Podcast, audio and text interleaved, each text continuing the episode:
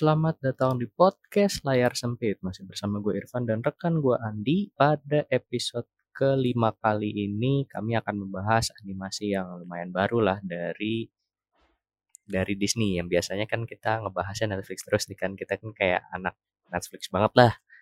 Ya kita ganti nih sekarang ke Disney Plus. Itu filmnya namanya Turning Red. Nah, jadi Turning Red ini uh, basically cerita di mana satu anak perempuan remaja eh anak perempuan yang mengalami pubertas gitulah konsepnya begitu. Tapi kita dengarkan langsung aja gimana uh, previewnya gimana di? Ya tadi udah di sedikit dibocorkan sama Irfan. Ah. jadi kalau kalian buka pertama ternyata pasti keluarnya panda dulu kan panda merah. Yes. Tapi tapi film ini bukan film tentang binatang. Pasti ada binatang tapi bukan kayak binatang dan binatang di dunia binatang gitu. yang gue pikirnya pertama gitu juga kan. Wah ini hmm. ada film animasi binatang tentang cerita panda merah nih. Ternyata enggak, ternyata panda merah ini metafor ini kan, metafor untuk anak remaja perempuan yang sedang mengalami pubertas. Jadi kita hmm. setting waktunya itu dibawa ke tahun 2002. Harus spesifik nih, 2002. ada ada anak namanya Mailing Nah, mailing ini dia selama menjalani hidupnya 13 tahun, 14 tahun itu selalu nurut sama orang tuanya sampai akhirnya masuk masa-masa pubertas di SMP. Akhirnya dia ya itulah mengalami semua dan apa ya krisis identitas. apa nih sebutannya Van? Kalau di bawahnya quarter life. Sebutannya tuh apa ya? Mencari jati diri kali ya. Mencari jati diri, iya benar. Kayak nah. ya anak-anak remaja gitu kan mencari jati diri apakah dia cocoknya uh, mau di mana gitu kan. iya ikutin orang tuanya atau dia mau mengikuti kemauannya sendiri. Nah itu konflik dasarnya gitu santuy. Biasa hmm. Disney. Standar lah ya standar Disney ya. Standar Disney. Tapi apa ini juga fun kan gue kan habis nonton film ini nonton hmm. uh, dokumenter pembuatan filmnya kan? Oh ada kan ada ada dokumenternya. Jadi uh, making turning red gitu. Gue agak lupa sih judul nah. persisnya tapi semua yang terlibat di sini tuh full female. Maksudnya apa? Full cewek-cewek semua. Director, oh. terus yang tukang gambar gitu-gitu semua full cewek gitu. Biasalah. Jadi emang insightnya kan tuh sekarang. Oh iya ini ini ini gue gue nemu gue nemu. Um, iya. Embrace the panda, making turning red itu kan. Uh, oh ya belum belum kita jelasin ya pandanya itu tadi kan gimana ini kayak magical realism fantasi gitu jadi panda itu sebenarnya ya orang berubah jadi panda gitu. Tapi panda itu beneran ada. Awalnya gue kira panda ini cuma di pikirannya mailing ternyata beneran beneran jadi panda. Soalnya kan dia dia uh, taunya tuh dari tradisi-tradisi kalau setiap anak perempuan yang lahir di keluarga dia tuh bakal berubah menjadi panda merah gitu kan. Ya ada tradisi jadi panda merah. Setting tepatnya itu 2002 tadi jadi masih ada five vibes. Apa boy band 90-an 2000-an Westlife gitu-gitu kan. Ada boy band gitu. Terus uh, tempatnya itu di Toronto. Jadi spesifik banget nih. Gadis 13 tahun 2002 di Toronto. Soalnya Toronto ini apa Van? Uh, banyak populasi apa imigran dari China gitu. Oh pantesan makanya ya. Hmm, jadi emang di sana itu banyak lah populasinya. Hmm. Chinatownnya juga lumayan gede sama ada tempel-tempelnya kan di dalam juga. Iya, itu kan rumahnya dia itu kan yang ya. ada tempelnya. Sebenarnya nah. sih ya mungkin memang film ini tujukan tuh anak-anak yang seumur gitu kali ya, yang sebenarnya paling pas. Iya, jadi, jadi struggle. Uh. Nonton film ini oke, okay, dapat kita dapat jawaban. Standar Pixar lah. Selalu bener, memberikan Uh, value di film-film animasinya. Nah, sebelum sebelum kita ngomongin lebih jauh nih dia, mendingan kita uh, kasih dulu trailernya. Tapi sebelum kita kasih trailernya nih disclaimer dulu nih. Yang belum nonton silahkan nonton dulu, stop dulu di sini, nonton, habis itu balik lagi. Yang udah nonton stay tune di sini, dengerin aja karena kita akan membahas tentang spoiler-spoilernya setelah kita munculin trailernya. Jadi Gak apa-apa lah tapi ya, Disney di spoilerin ya sebenarnya nggak apa-apa juga sih. Iya. cuma ya kalau kalau ada yang nggak mau kan oh, nggak mau menutup protes udah pasti ketebak lah happy ending dan lain-lain. Jelas sih kalau itu cuma kan ada detail-detail yang mungkin aja dia nggak mau ke spoiler apa gimana kan. Iya. ya pokoknya begitu dah. Ya selamat mendengarkan trailernya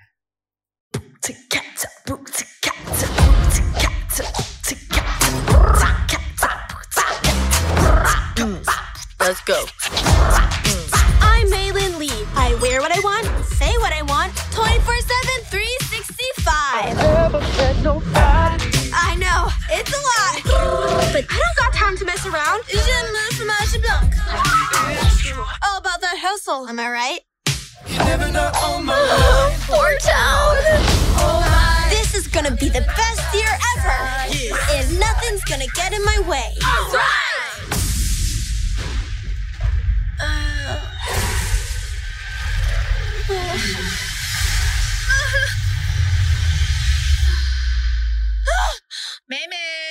breakfast is ready. It's Coming. It's gonna be me. Ah! Is everything okay? I'm a gross red monster! Don't look at me! Stay back! This happened already? What did you say? Our ancestors had a mystical connection with red pandas. Are you kidding me? This little quirk runs in our family. Ah, You're so cute. Sick. I've always wanted a tail. I'm a freak. We love you, May. You're our girl. Whoa. You're you. Any strong emotion yes! will release the panda. Abby, hit me. Oh! Do you know how dangerous this is? You'll get whipped up into a frenzy and panda all over. OMG! My whole life I've been perfect little May May. But maybe I like this new me. Mama's girls. it's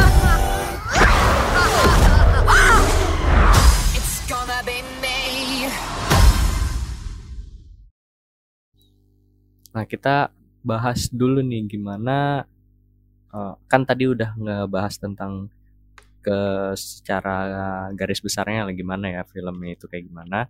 Tapi kita sekarang ngebahas tentang konflik utamanya itu ada di mana gitu. Jadi film ini tuh. Konflik utamanya itu di mailing. yang apa sih namanya? Pertama kali. Pertama kali merasakan perubahan di tubuhnya karena pubertas. Hmm, Dan sama bener-bener. pembuat ceritanya itu dibuat dalam bentuk panda merah. ya dikemas jadi panda merah jadi eh, diibaratkan dia itu ketika lagi dapat gitu ya dapat bulanan lah perempuan gitu dia Hmm. berubah jadi panda merah gitu Jadi panda merah. Pas lagi Hmm. emosi nggak stabil jadi panda merah. ya Sedih.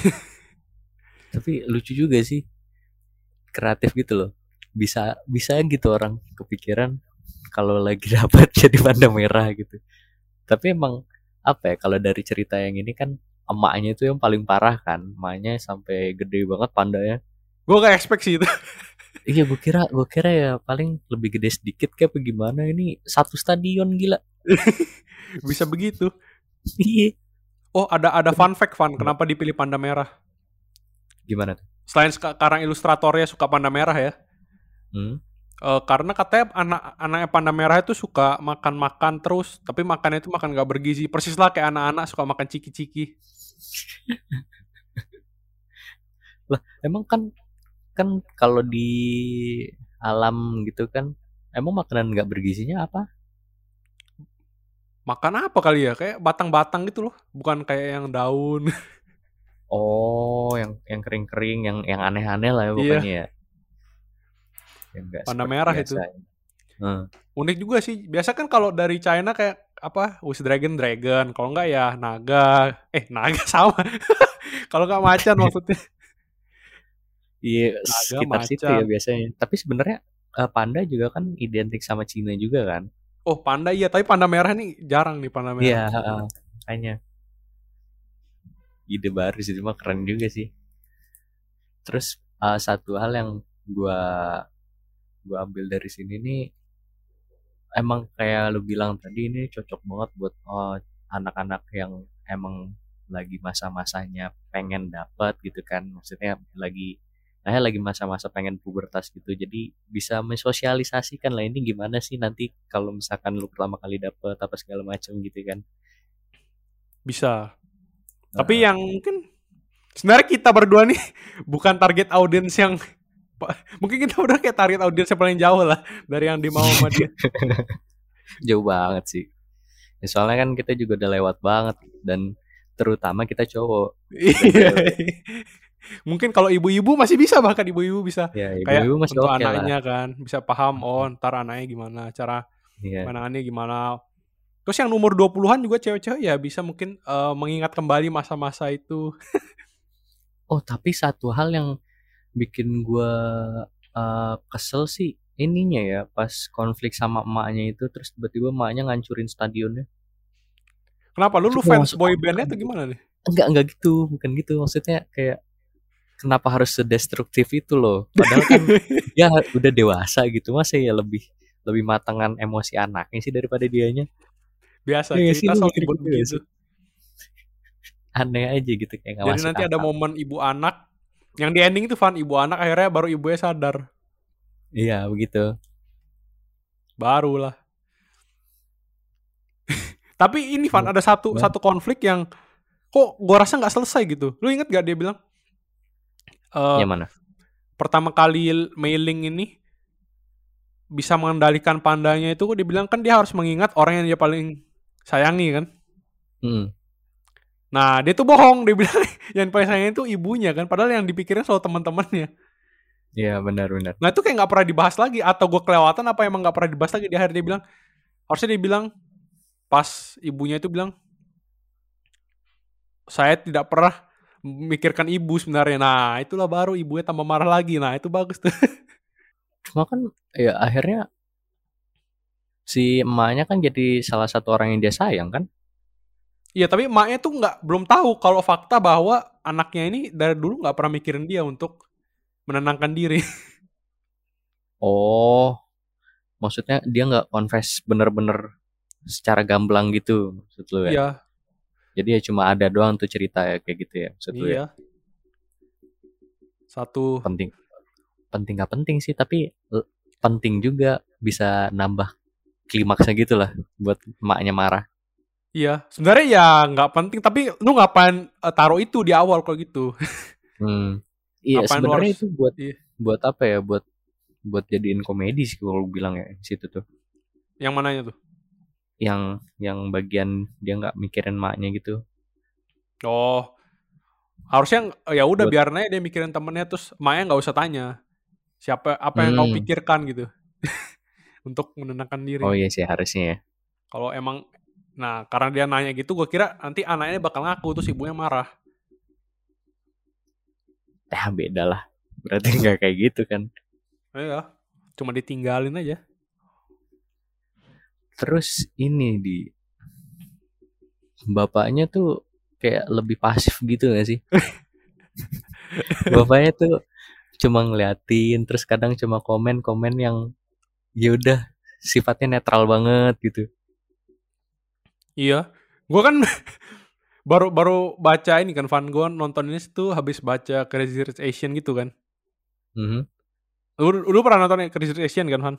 Pernah pernah. Nah di filmnya kan gak ada bapaknya tuh. Iya. Nah kalau di bukunya ada bapaknya dan bapaknya kayak gini sudah. Jadi gue melihat ada tren di Chinese family gitu. Ternyata bapak-bapak yang pasif. Oh bapak-bapak ya udah gitu ya karena emaknya yang paling banyak ngomong gitu kali ya.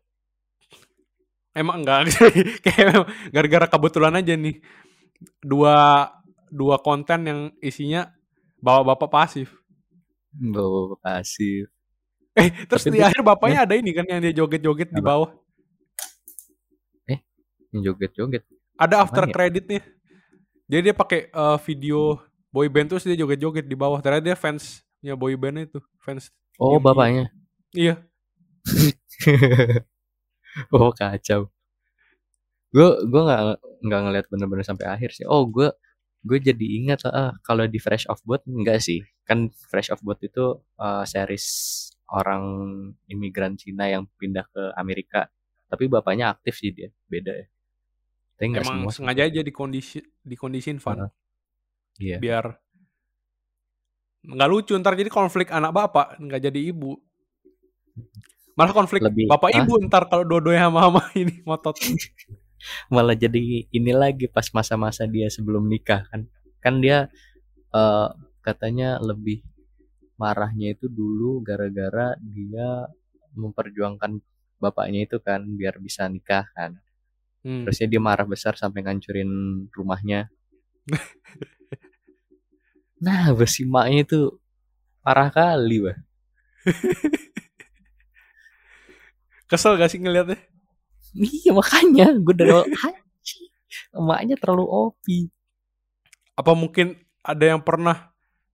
Tapi nggak juga sih. Adik gue nggak pernah sampai digituin dah kayak di dipepet ke sekolah gitu.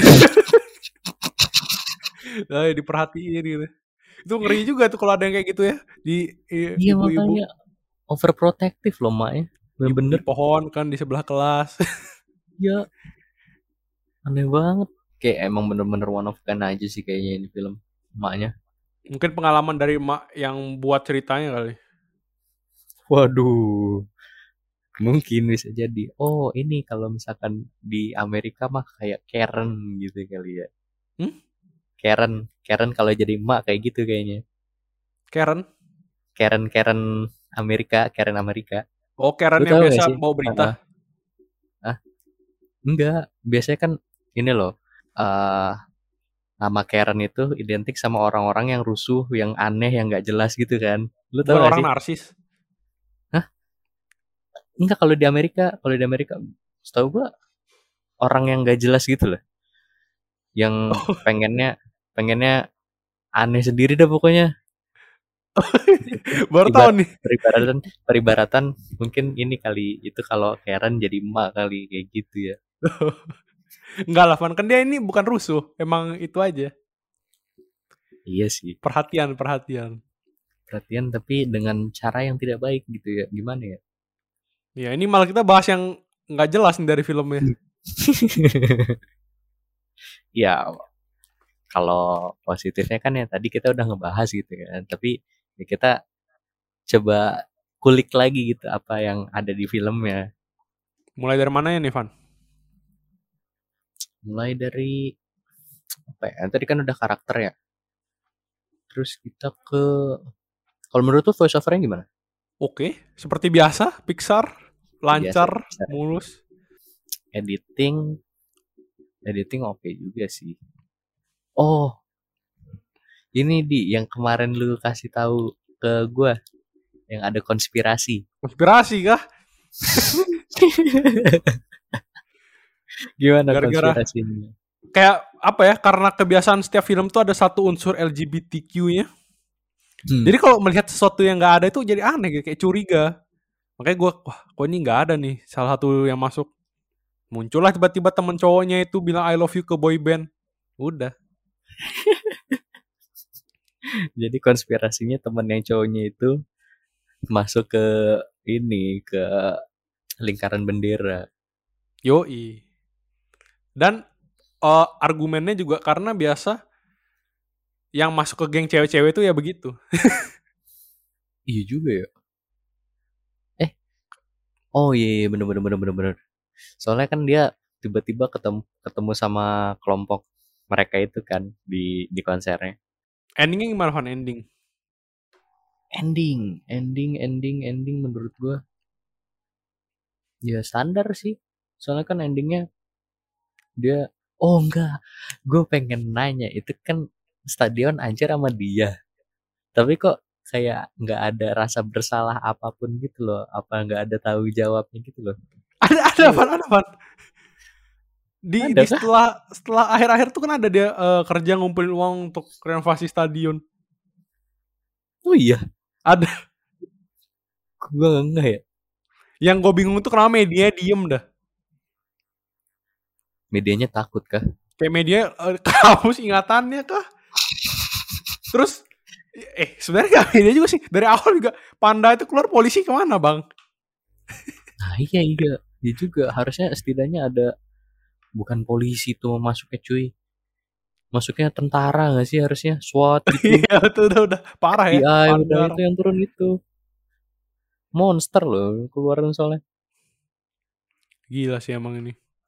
Ya namanya juga film animasi ya, tapi ya udahlah. Iya namanya juga film anak kecil lah ya. Ya udahlah ya. Yang penting kan pesannya bisa tersampaikan gitu.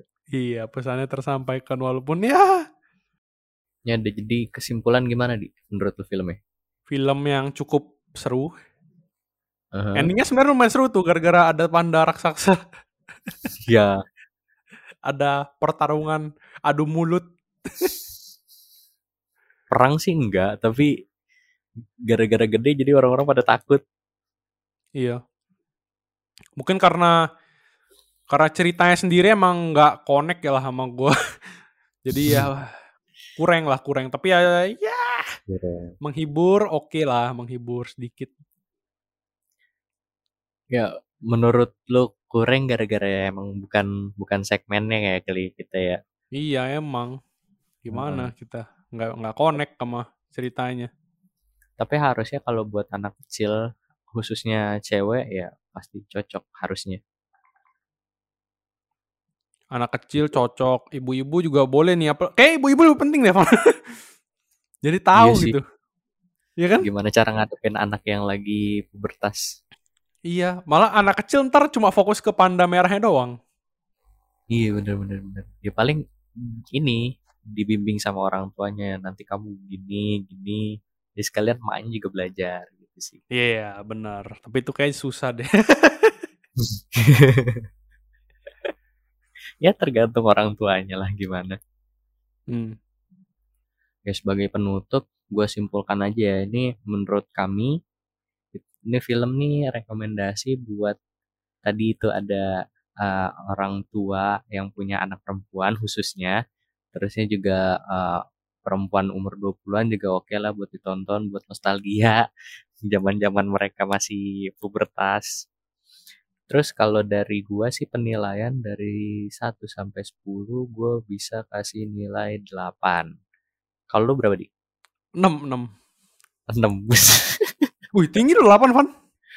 Iya 8 karena itu tadi kalau uh, gue gue memposisikan diri gue sebagai uh, target segmennya Oh. ceritanya Ah, kayak gitu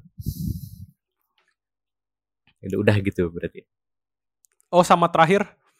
Kalau kalian suka Red Panda ya boleh lah ditonton.